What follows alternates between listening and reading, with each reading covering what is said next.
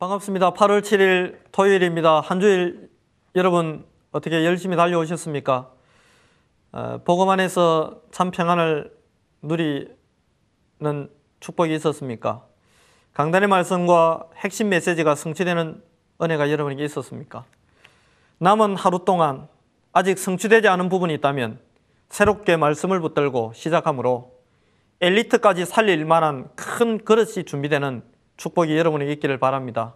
우리 기도 수첩을 보겠습니다. 엘리트에게 숨겨진 문제들. 하나님의 말씀을 함께 읽읍시다.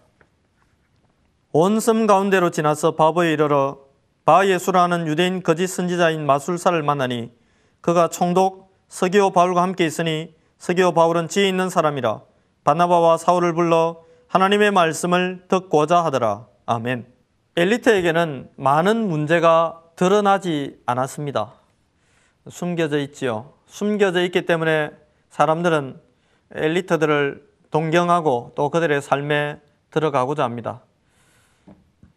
그러나 실상 엘리트의 삶을 보면 그들은 부러워할 대상이 아니라 복음 가진 우리가 섬기고 또 도와주어야 할 대상들입니다. 왜 많은 사람들은 엘리트가 되기를 원하고 또 엘리트의 삶을 부러워합니까? 엘리트의 삶을 살아가게 되면 거기에 맞는 경제적인 부여가 찾아오기 때문에 그렇습니다.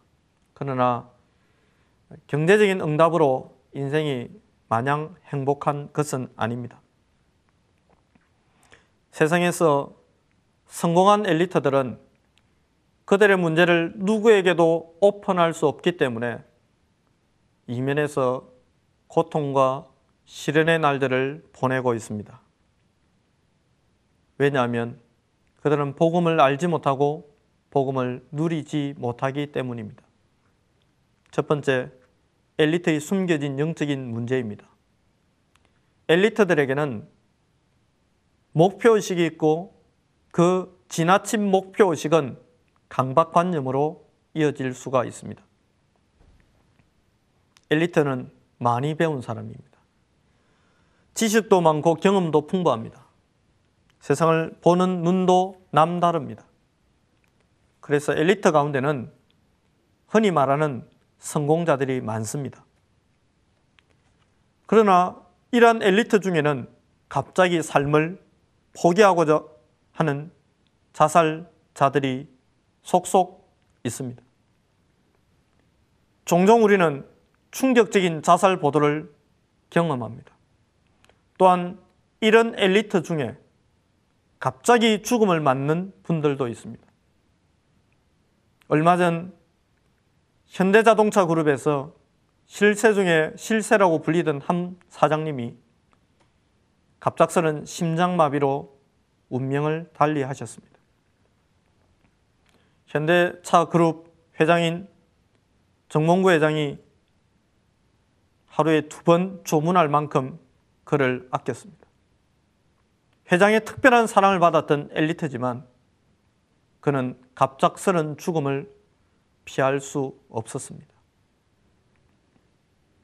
성공하는 엘리트 중에는 우울증과 조울증, 정신문제, 불면증, 그리고 귀신을 보고 귀신과 생활하는 영적인 문제 때문에 고통을 호소하는 분들이 많습니다.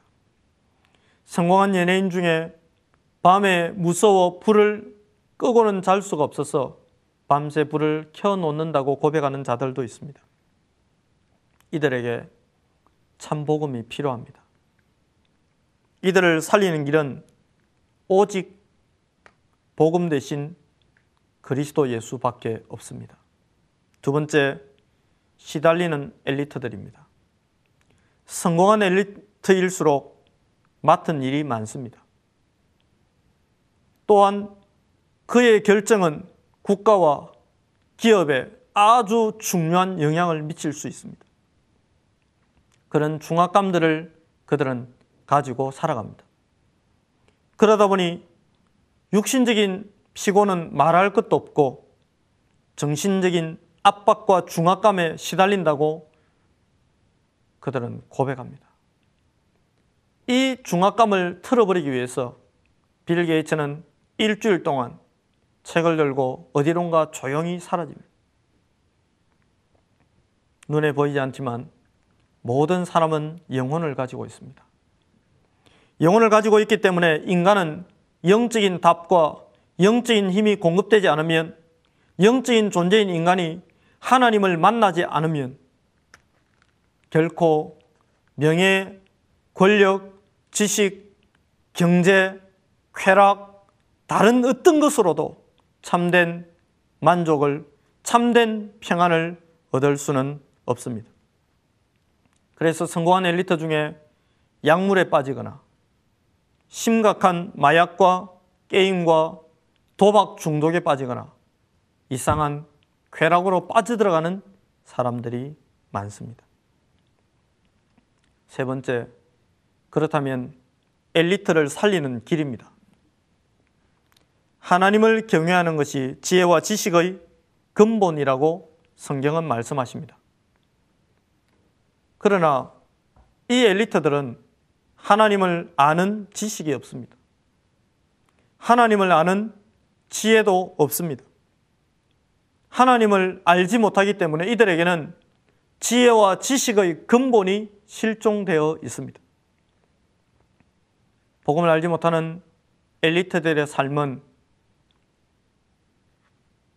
겉으로 보이는 이면에 숨겨진 고통을 가지고 살아갑니다.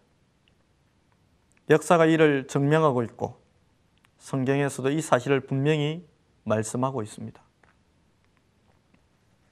복음이 무엇인지 이해할 수 있도록 엘리트들을 우리는 도와야 합니다.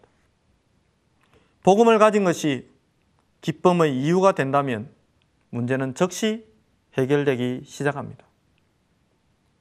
저와 여러분의 주변에 있는 엘리트들에게 그들을 살릴 천하 인간에게 구원 얻을 만한 다른 이름이 없는데 그 이름 대신 그리스도 예수가 전달되어야 합니다. 병든 자에게도 이 그리스도 예수의 은혜의 복음이 필요합니다. 실패한 자에게도 필요합니다. 그러나 성공한 외로운 엘리트들에게도 이 복음이 필요합니다. 오던의 포럼입니다. 우리는 복음 엘리트의 삶을 살아야 합니다. 복음 안에서 하나님이 주시는 큰 힘을 얻도록 기도하세요. 사랑하는 랩런트들이 이 중요한 응답의 현장에서 엘리트를 도울 만한 사람으로 준비되어서 엘리트를 도우는 축복의 사람으로 전도자의 삶을 살아가게 되기를 그리스도 예수 이름으로 축복합니다. 혹시 오늘 여러분 주변에서 엘리트를 만날 계획이 있다면 그들에게 복음 자료를 전달함으로 그들을 살려내는 축복이 시작되기를 바랍니다. 기도하겠습니다. 문제를 숨기고 살아가는 수많은 엘리트들에게 참 복음을 전달할 수 있도록 하나님께서 새 은혜를 주시고 만남을 통하여 그들을 부러워하고 그들을 보며 하나님 우리가 우리를 열등의식 속으로 몰아넣는 자가 아니라 그들의 이면을 보고 참복음 가진 자답게 당당히 도와주는 사람이 되도록 주께서 우리에게 은혜를 주옵소서 감사드리며 살아계신 예수 그리스도 이름으로 축복하며 기도하옵나이다. 아멘.